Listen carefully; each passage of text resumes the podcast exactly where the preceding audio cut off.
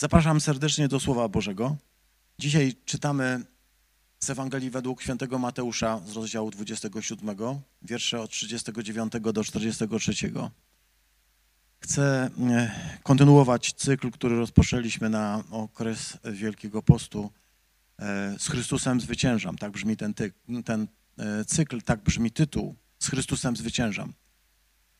Chodzi nie o jakieś e, pozorne zwycięstwo, o jakieś e, nasze usiłowania, ale o to, co jest istotą zwycięstwa. Istotą zwycięstwa jest zwycięstwo nad pokuszeniem. Dzisiejsze rozważanie wielkopiątkowe nosi tytuł Ostatnie pokuszenie. Pozwólcie, że przeczytam tekst, który nas dzisiaj zajmuje. A przechodzący szydzili z niego, kiwając głowami, mówiąc – ty, burzący świątynię i w trzy dni ją odbudowujący, wybaw samego siebie, jeśli jesteś Synem Bożym. Zejdź z krzyża. Podobnie kpili wyżsi arcykapłani z uczonymi w piśmie i starszymi, mówiąc, innych ratował, a samego siebie nie może uratować. Jest królem Izraela, niech zejdzie teraz z krzyża, a uwierzymy w Niego. Polegał na Bogu, niech go teraz wyrwie, jeśli go chce. Przecież mówił, jestem synem Boga. Amen. Te okrutne słowa, Panie nasz, Boże nasz, Ojcze nasz, zatykają usta.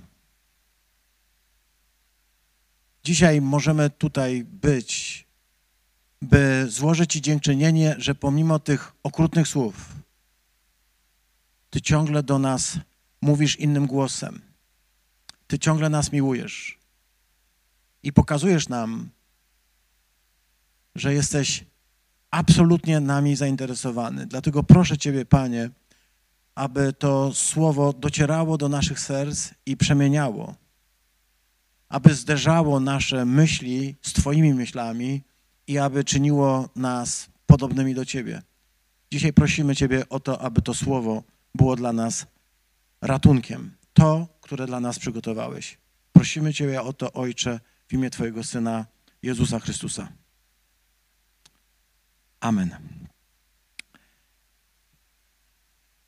Jezus był wielokrotnie poddawany próbie i widzieliśmy to na tych naszych rozważaniach. Nie tylko tych trzech pokuszeniach, które doskonale znamy y, z y, Ewangelii Mateusza i Łukasza, ale także y, z szeregu innych. E, ten tekst, który przeczytaliśmy, wstrząsający, jest kolejnym dowodem tego, że Jezus podlegał nieustannemu pokuszeniu, nieustannemu kuszeniu, nieustannym próbom. Znalazł się znowu w trudnej sytuacji, wyjątkowo dramatycznej, żeby nie powiedzieć absolutnie krańcowej, granicznej sytuacji w swoim człowieczeństwie i te pokuszenia nie ustają. Słyszeliśmy, że ludzie przechodzący obok Jego krzyża, patrząc się na to, co mm, się na tym krzyżu dzieje, nie współczuli. Nie było w nich empatii, nie było w nich żadnego ludzkiego odruchu. Zamiast tego e, śmiali się, szydzili, kpili. Takich słów używa Mateusz w oryginale. Szydzili z niego i przechodzący, przechodnie, i arcykapłani razem z uczonymi w piśmie i, i z, e, ze starszymi. Mówi o tym Mateusz, ale wspomina o tym także Marek w swoim 15 rozdziale Ewangelii. On mówi, hej ty, który burzysz świątynię, w trzy dni ją odbudowujesz, uratuj samego siebie, zejdź z krzyża. Wspomina dalej, innych wybawiał, a siebie wybawić nie może. Mesjasz, król Izraela, niech zejdzie z krzyża teraz, abyśmy zobaczyli i uwierzyli. Niech zejdzie z krzyża teraz, abyśmy zobaczyli i uwierzyli. A Łukasz powie e, w 23 rozdziale tak. A lud stał i przyglądał się. Przełożeni zaś drwili sobie z niego, mówiąc, innych wybawił, niech uratuje samego siebie. Jeśli on jest wybranym, jeśli jest Chrystusem Boga, jeśli jest Mesjaszem Boga, czytamy, że to ośmieliło także żołnierzy, którzy pewnie i bez tego by ośmieleni ze swojego fachu naturalnie szydzili z Jezusa. Podchodzili podawali mu ocet i mówili, jesteś królem Żydów. Jeśli jesteś królem Żydów, to teraz się wybaw. By, wybaw samego siebie. Zwracam uwagę, że u synoptyków, u Ewangelii z tym Mateusza, Marka i Łukasza ta myśl pojawia się prawie y, identycznie, pojawia się wciąż. Pokazuje, że Jezus znalazł się w sytuacji wyjątkowo dramatycznej. Wiemy, że y, znalazł się w niej nie z powodu własnych grzechów. Znalazł się w tej sytuacji z powodu mojego grzechu. Znalazł się w tej sytuacji z powodu naszych grzechów. Ale aby mógł zwycięsko przejść przez to doświadczenie, musiał się także uzbroić wyjątkową cierpliwość. Pokuszenia towarzyszyły jemu wciąż i wciąż. Dotyczyło przede wszystkim woli. Atakowana była jego wolność. Zły chciał go wprowadzić w stan, e, w którym wreszcie powie, że z własnej nieprzymuszonej woli, jak kiedyś Adam w raju, jak Ewa, wybierze e, kłamstwo. Oczywiście zły tego tak nie nazywał. Wybierze inną drogę niż tę, którą Bóg mu proponuje. Musimy o tym powiedzieć troszkę więcej, jaką Bóg proponuje drogę Jezusowi. Ale zanim, dotyczy to woli, więc przede wszystkim atakowana jest wola, ale atakowany jest także intelekt. Y, w wielu pokuszeniach, y, przynajmniej tych, które czytaliśmy w, w następnych fragmentach, pojawiały się takie myśli, że Jezus jest kuszony także intelektualnie, tak? Musi odpowiadać na różne pytania, zadają mu przedziwne y, historie, żeby sprawdzić jego sprawność intelektualną. Ale jest także kimś, kto musi przeżyć mm, jakby pokuszenie w uczuciach, w poczuciach, w zmysłach, tak? Kiedy przychodzi do niego zły i mówi, jeśli jesteś naprawdę Synem Bożym, to spraw, by te kamienie stały się chlebem. Mówi tak, dlatego że Jezus rzeczywiście czuje się głodny. Widzimy, że e, te pokuszenia dotyczą wielu sfer. Oczywiście przede wszystkim woli, ale dotyczą także jego emocji, jego yy, intelektu. To wszystko dzieje się na naszych oczach. W jakiś sensie to wszystko jest dlatego, byśmy my też sobie uświadomili, że te pokuszenia dotyczą i nas w tych różnych okolicznościach. A wszystko bierze się e, z rozpoznania woli Bożej. E, w Ewangelii Mateusza, którą czytaliśmy e, w ubiegłą niedzielę, było powiedziane, mm, opowiedziane to wydarzenie dotyczące wyznania Piotra na górze na, w Cezarei Filipowej, gdy Jezus zapytał, za kogo wy mnie uważacie, Piotr odpowiedział, ty jesteś Mesjasz, Syn Boga Żywego. I wtedy Jezus odpowiedział do niemu tak, błogosławiony jesteś Szymonie, synu Jony, dlatego, że nie ciało i krew ci to objawiły, ale Ojciec, który mieszka w niebie. Nie ciało i krew ci to objawiły. Tutaj jest chyba klucz. To objawiły, to znaczy po grecku y, apokalipsą apokalipsen dokładnie, czyli to objawienie, które my znamy jako y, najbardziej jako księgę Apokalipsy. To jest właśnie klucz. Kiedy Bóg y, daje człowiekowi w serce doświadczenie Jezusa jako Mesjasza, jako Syna Bożego, a nie jest to tylko wyuczonym z katechizmów, z jakichś plotek, informacji, wieść o tym, że jest tym, za kogo się podawał. Kiedy to przychodzi jako objawienie, jako doświadczenie, wiemy, że jednocześnie człowiek, który takie doświadczenie ma, może mieć, zmienia swój e, sposób myślenia. Zaczyna myśleć nie po swojemu, ale po Bożemu. Izajasz w 55 rozdziale, w 8 wierszu mówi, że wasze drogi nie są takie jak moje, a wasze myśli nie są takie jak moje myśli to właśnie poddanie się temu Bożemu Duchowi sprawia, że pojawia się, poja, pojawia się objawienie, które człowiek otrzymuje i na które Chrystus reaguje takim słowem obietnicy. Teraz jesteśmy w najbardziej dramatycznym momencie. Gdy rozpoczyna się ta szczególna doba w życiu Jezusa, kiedy Jezus e, spożywa najpierw ze swoimi uczniami wieczerzę, wieczerzę paschalną, a potem idzie do ogrodu oliwnego, by tam modlić się, tak jak miał w zwyczaju, to czytamy, że ta modlitwa nie była taką modlitwą zdawkową. To była modlitwa pełna ognia, pełna łez i modlitwa, która prowadziła go do, um, do krwi. Wołał, ojcze, jeśli chcesz, zabierz ten kielich ode mnie, ale nie moja wola, lecz twoja niech się staje. To wezwanie, ojcze, jeśli chcesz, brzmi w ten sposób, że możemy od razu uświadomić sobie, że gdyby to od Jezusa zależało, od tego stanu Jego woli, to by dzisiaj powiedział, Ojcze, po prostu nie pozwól mi zginąć. Ojcze, zabierz to. Zabierz całe to cierpienie i to doświadczenie odrzucenia, to doświadczenia, gdy jako święty Boży zostanie na mnie złożony cały ciężar, cały grzech, całe przekleństwo, wszelkie choroby, wszystko straszne, całe, to konsekwen- całe te konsekwencje y, grzechu. Ojcze, jeśli to możliwe, nie wkładaj na mnie tego całego ciężaru. Jak jakby chciał powiedzieć, nie wódź mnie w to doświadczenie.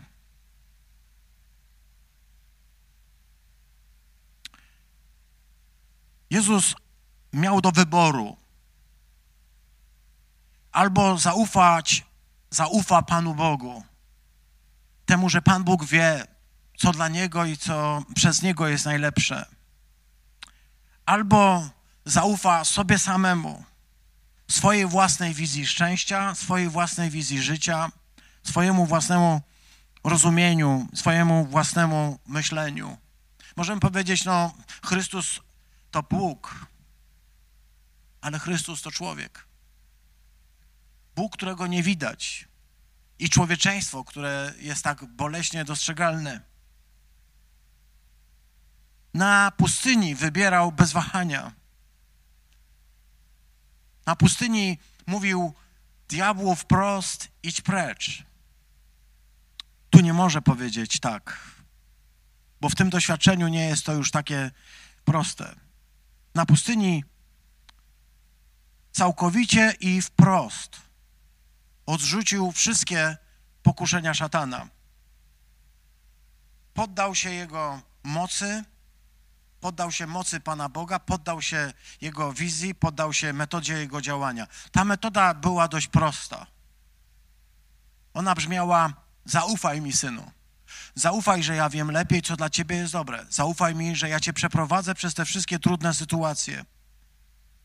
I poddał się tej mocy, poddał się tej dobroci, poddał się temu prowadzeniu i widzieliśmy go, jak uzdrawiał, jak wskrzeszał z martwych, jak wyganiał demony. Widzieliśmy go w pełnym, absolutnym e, zwycięstwie i jest to dla nas wyjątkowe, gdy przyglądamy się Chrystusowi, który uwalnia, uzdrawia, leczy, który podnosi na duchu, który tlącego się knota nie dogasi, a złamanej trzciny nie dołamie. Takiego go widzieliśmy. Pełnego ciepła, pełnego dobra. I tak go też zwiastowali później apostołowie. Piotr w dziejach apostolskich powie Korneliuszowi, przeszedł przez całą krainę Galilei, przeszedł przez Judeę i gdziekolwiek nie był, świadczył dobro i okazywał łaskę i zmiłowanie. Taki był. Ale teraz stoi przed wyjątkowym wyzwaniem to, co było do tej pory dla niego um, absolutnym priorytetem, a więc wysłuchanie Pana Boga i realizowanie Jego woli. Tu w Getsemane, na początku tego wyjątkowego dnia, na początku Wielkiego Piątku, tu w Ogrójcu, przestaje być jednoznaczny. Do głosu zaczyna dochodzić człowieczeństwo. Jeśli będziemy patrzeć na Jezusa tylko jak na Boga, który z nieba stąpił i nie miał ludzkich uczuć, nie miał tego człowieczego balastu, nie miał tej ludzkiej woli, nie miał tych naszych mm, również ludzkich odruchów i uczuć, wtedy nic nie zrozumiemy z tego wołania. Wtedy będzie to dla nas tylko gra aktorska. Kogoś, kto wiedział, że wygra, ale trochę się krygował. Ja chcę zobaczyć w nim dzisiaj prawdziwego człowieka. Chcę zwiastować go jako prawdziwego człowieka, bo on jest prawdziwym Bogiem i prawdziwym człowiekiem. I to nie jest tylko wysoka teologia, to jest doświadczenie moje i Twoje, że Jezus jest też prawdziwym człowiekiem. Do głosu dochodzi Jego człowieczeństwo. Do głosu dochodzi także jego cała jakby ludzka kondycja, która wstrząśnięta jest z powodu katastrofy, którą już y, widać na horyzoncie. To jest katastrofa związana z jego e, życiem, ale nie tylko jego. To jest także katastrofa związana z całym doświadczeniem jego uczniów. On wie, że uczniowie, gdy zostanie uwięziony, rozproszą się i gdzieś poginą. Nie wiedział, nie może powiedzieć, że ma pewność, że wszyscy spokojnie to przejdą. Mówił do Piotra przed y, tą modlitwą, że gdy się nawróci, gdy się wreszcie kiedyś nawróci, niech utwierdza braci, bo oni będą wszyscy zupełnie rozproszeni i rozbici. Pojawia się taka myśl, nie wiem, czy ją czujecie tutaj. Czy aby ta metoda, która działała przez cały czas, to posłuszeństwo Panu Bogu, ta pewność, yy, że On jest ze mną, czy to wszystko dzisiaj jeszcze ma sens w obliczu wyjątkowego doświadczenia? Czy to całkowite zaufanie Bogu, czy to całkowite poddanie się pod ten autorytet Pana Boga, pod Jego mm, kon kontrolę, czy w obliczu zbliżającego się e, wydarzenia e, uwięzienia i ostatecznie śmierci, w, obliczu tego, tej katastrofy, no tak to nazwę, nie pokazuje, że przyjęta metoda posłuszeństwa i, i, i słuchania Pana Boga we wszystkim nie okaże się niewystarczająca. Ona jest dobra, gdy y, możemy toczyć walkę zwycięską, gdy y, uwalniamy chorych, gdy modlimy się za potrzebujących. Ona jest dobra, gdy możemy stanąć i powiedzieć w imię Chrystusa Jezusa, ale czy ona jest dobra także wtedy, gdy przeżywamy doświadczenie, gdy przychodzi pokuszenie w tym trudnym momencie, żeby zostawić to wszystko i żeby powiedzieć, ona, Ewangelia jest dobra, ale tylko w pewnych okolicznościach, tylko wtedy, gdy wszystko idzie po naszej myśli. Ale gdy zaczyna się e, odrzucenie, gdy mm, grozi nam utrata autorytetu, gdy e, obawiamy się o los naszych bliskich, jak Jezus obawiał się o los swoich apostołów, najbliższych mu ludzi, jak obawia się o to, czy cała jego misja nie będzie totalnym fiaskiem, czy w ogóle znajdzie wiarę, gdy wróci? Czy nie okaże się, że ta perspektywa będzie udowadniała, że to posłuszeństwo, ta gotowość do ofiary nie okazała się błędna, jest nieskuteczna, jest bezowocna? Myślę, że czytając to wydarzenie, widzimy, że to był ból, to była walka, która e, mocniej oddziaływała na jego człowieczeństwo niż ta, którą prowadził na pustyni. Tam kuszony przez złego, jakby, no tak lżej, tak to wygląda. Może to tylko moje wyobrażenie. Przechodził przez to pokuszenie. Tutaj ta walka jawi się jako bardzo dramatyczna, a dowodem na to, pisze Łukasz, jest to, że krople potu były kroplami krwi. Krew, którą tam przelewał. Dlatego, że ta walka, zanim się odbyła na krzyżu i zanim został zawieszony, ona odbyła się tam, w tym szczególnym ogrodzie. Całe doświadczenie, które było tutaj do tej pory obserwowane nie równa się temu, co tutaj czytamy. Ale jednocześnie możemy zwrócić uwagę na to, że w ten sposób docieramy do istoty człowieczeństwa.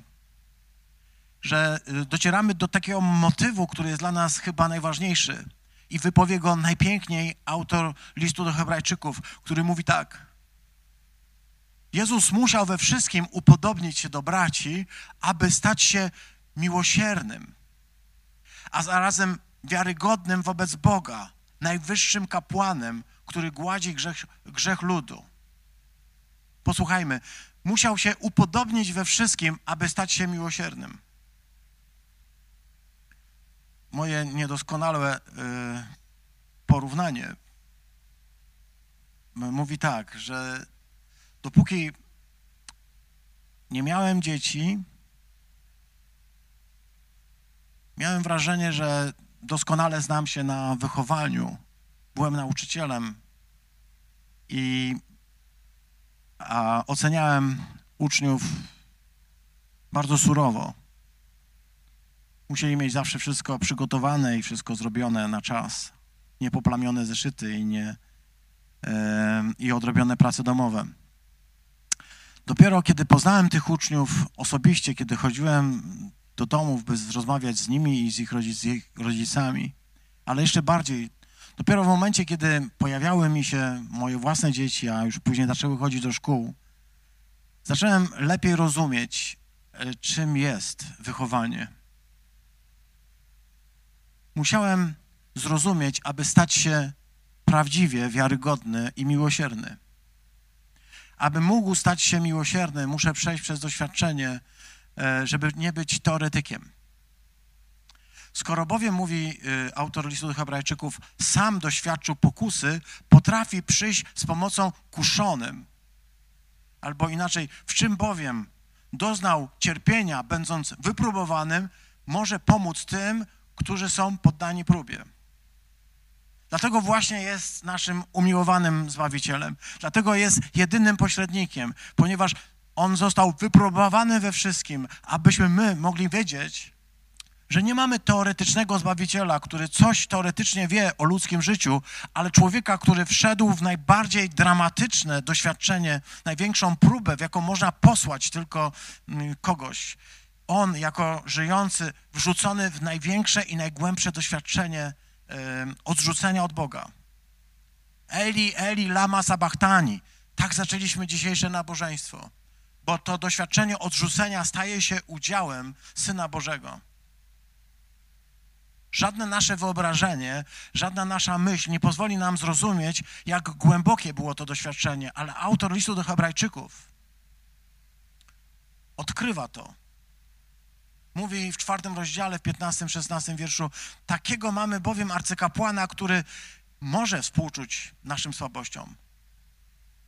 Dosłownie mówi nie takiego, który nie może współczuć. Mamy takiego, który może współczuć. Mamy takiego, który jest doświadczonym we wszystkim oprócz grzechu. I możemy śmiało zbliżyć się do tronu łaski. Krzyż, tron łaski.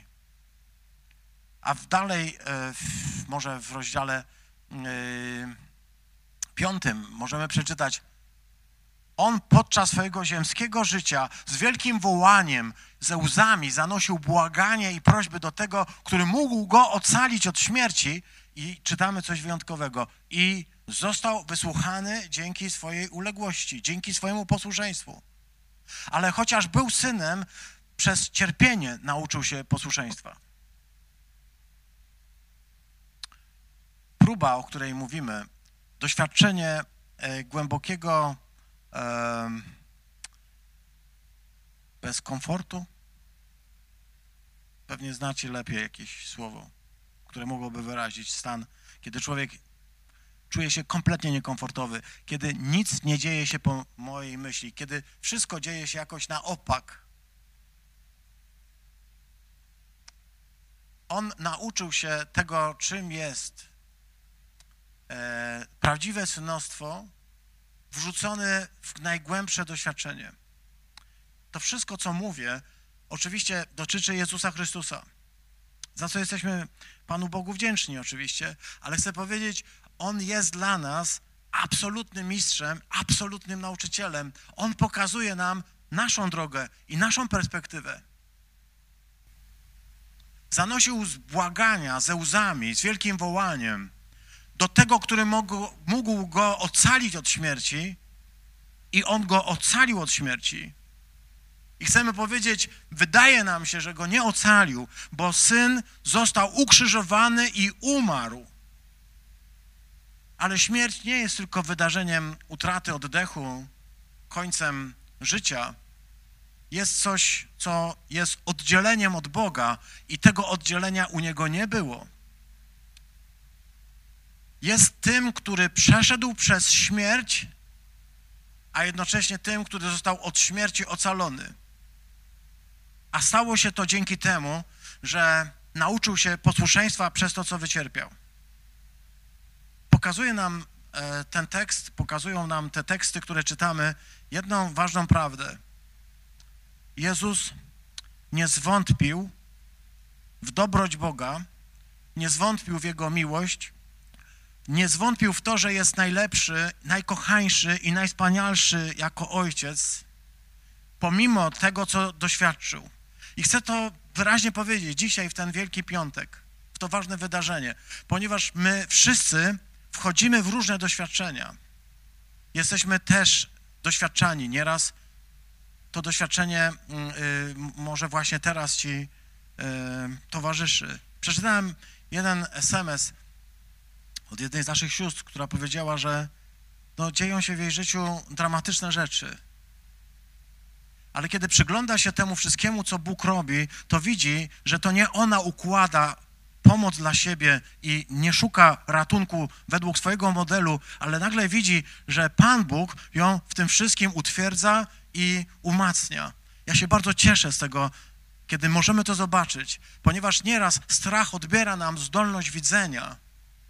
Nieraz strach powoduje, że nie widzimy, że Bóg to wszystko pozwala nam przejść, ale układa w taki sposób, że tworzy się to jakby pewnym gobelinem, który tylko z góry, z pewnej perspektywy jawi nam się jako coś absolutnie pięknego, bo z dołu wygląda jak plątanina nitek. Bóg, który pozostaje Ojcem najkochańszym, najspanialszym, najdroższym, najcudowniejszym, nawet wtedy, gdy nic się nie układa po mojej myśli. Chcę, aby to zabrzmiało w ten Wielki Piątek. Bóg jest naszym Ojcem, ukochanym i wspaniałym, także wtedy, gdy nie układa się po naszej myśli.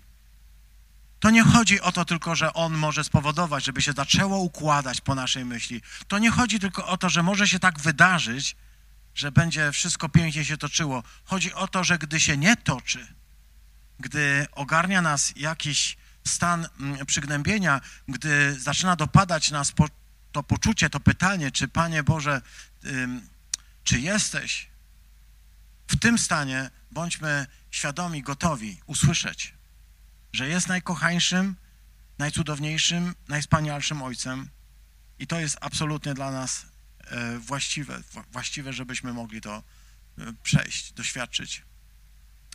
Chcę powiedzieć na zakończenie jeszcze jedną rzecz, że kiedy czytamy o tym, gdy przechodzili i szydzili z niego, kiwali głowami, kpili i proponowali mu własną wizję zbawienia, a ona brzmiała bardzo kusząco, musicie przyznać. To rzeczywiście jest pokuszenie. Człowiek, który ma moc zejść z krzyża. Ma moc, by na jego głos pojawili się aniołowie, którzy go wyzwolą z każdego cierpienia, z każdego bólu, z każdego doświadczenia odrzucenia. Ma moc na jedno słowo swoje wyprowadzić legiony aniołów, a jednak z niej, z tej mocy nie korzysta. Ale ciągle mu mówią i słyszy to w swoich uszach. Słyszę to wyraźnie. Mówią mu, jak zejdziesz z krzyża, jak zrobisz coś tak spektakularnego, składamy ci obietnicę, że uwierzymy w ciebie. zejdź z krzyża, a w Ciebie uwierzymy. To jest to pokuszenie ostatnie. Aby mógł osiągnąć zwycięstwo, musi się temu pokuszeniu oprzeć. To pokuszenie uderza w samo serce Ewangelii, bo co prawda, gdyby zszedł z krzyża, oni być może mogliby uwierzyć, że jest zapowiadany Mesjaszem, ale my nie bylibyśmy zbawieni. Ale czy to nie byłaby droga na skróty? Czy to właśnie nie tego chciał zły, mówiąc, wystarczy, że się mi pokłonisz, a oddam ci wszystkie królestwa ziemi, jakie tylko widzisz. Cała chwała ich będzie do ciebie należeć. Wszyscy będą ci się kłaniać i wszyscy będą ciebie uznawać za swojego Mesjasza. Tylko oddaj mi pokłon. Albo to, co mówił Piotr, jeden z uczniów, z samego środka apostołów. Panie, nie, nie przyjdzie na ciebie coś takiego dramatycznego, jak tu mówisz. Boże, broń. Nie może cię to spotkać. To są wszystko drogi na skróty. Bóg nas nie uczy dróg na skróty. Kiedy dzisiaj głosimy Chrystusa, to głosimy Go ukrzyżowanego, ponieważ głęboko jesteśmy przekonani, że właśnie w ten sposób Ojciec chciał uratować Ciebie i mnie. Na Niego spadła cała plaga, wszystkie doświadczenia za moje grzechy, za Twoje grzechy, wszystkie moje choroby i Twoje choroby, wszystkie moje przekleństwa i Twoje przekleństwa, On wziął dobrowolnie. Gdyby zszedł z tego krzyża, może kilku ludzi powiedziałoby wow, ale świat nie byłby zbawiony. Panie Jezu, ja Ci dziękuję za to, że Ty zostałeś tam. Za to, że zostałeś w tym najgorszym doświadczeniu gdy musiałeś wołać Eli, Eli, lama sabachthani i kiedy nie było słychać głosu Ojca,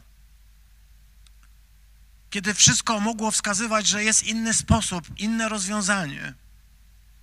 Panie, pozwól mi dzisiaj także zobaczyć to w moim życiu. Nie chcę dróg na skróty. Nie chcę e, własnych sposobów. Nie chcę wybierać sam co jest dla mnie dobre lub złe. Pozwól mi dzisiaj, Panie, doświadczyć tego cudu, który stał się największym cudem, jaki w ogóle istnieje na świecie. Bo tym największym cudem, jaki się wydarzył na całym świecie i w całej historii, o jakim czytam, ten cud to posłuszeństwo. Cud absolutnego zaufania i totalnego posłuszeństwa sytuacji najgłębszego kryzysu, kiedy wprowadzony w próbę nie ulegam pokuszeniom, które mi mówią idź e, własną drogą. Bóg nie kocha ciebie. Bóg odrzucił ciebie. Bóg przestał się do ciebie odzywać. To absolutne posłuszeństwo. To jest największy z cudów, o jakim czytam.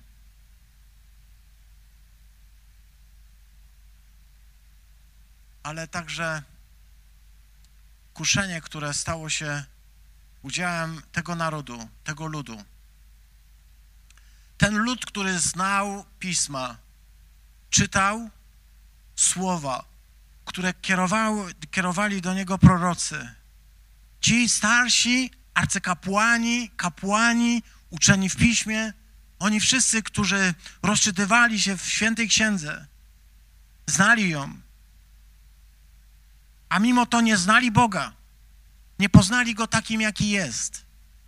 Nie poznali tego, jak realizuje swoje plany. Nie poznali Go jako tego, który przychodzi w konkretnym Mesjaszu, Jezusie z Nazaretu. Nie mieli świadomości. Nie wyobrażali sobie, wręcz byli przekonani, że Bóg nie mógł tak działać. To było pokuszenie dla nich. Jezus stał się dla nich skałą zgorszenia. Patrzyli na Niego i nie mogli myśleć nawet inaczej, jak tylko, że jest to ktoś przeklęty, ktoś, kto jest uzurpatorem, ktoś, kto mówi o sobie rzeczy nieprawdziwe. Nie mogli zobaczyć, że właśnie wypełniają się na ich oczach proroctwa. Jest to dla nas olbrzymie ostrzeżenie, siostry i bracia, olbrzymie ostrzeżenie, które mówi nam: uważaj, bo gdy Bóg zaczyna działać, pochyl głowę, bądź ostrożny, nie wydawaj pochopnych sądów. Spróbuj głęboko wniknąć w to wszystko, co chcę powiedzieć, abyś mógł doświadczyć prawdziwego ratunku, a nie takiego, jakie przychodzi, gdy sobie wyobrażasz. Bo to, co tutaj jest w tym pokuszeniu, najcięższe, brzmi: wybaw siebie, ratuj siebie, zejdź z krzyża. Jeśli Jezus miał to pokuszenie, to chcę powiedzieć, ono także do nas dociera.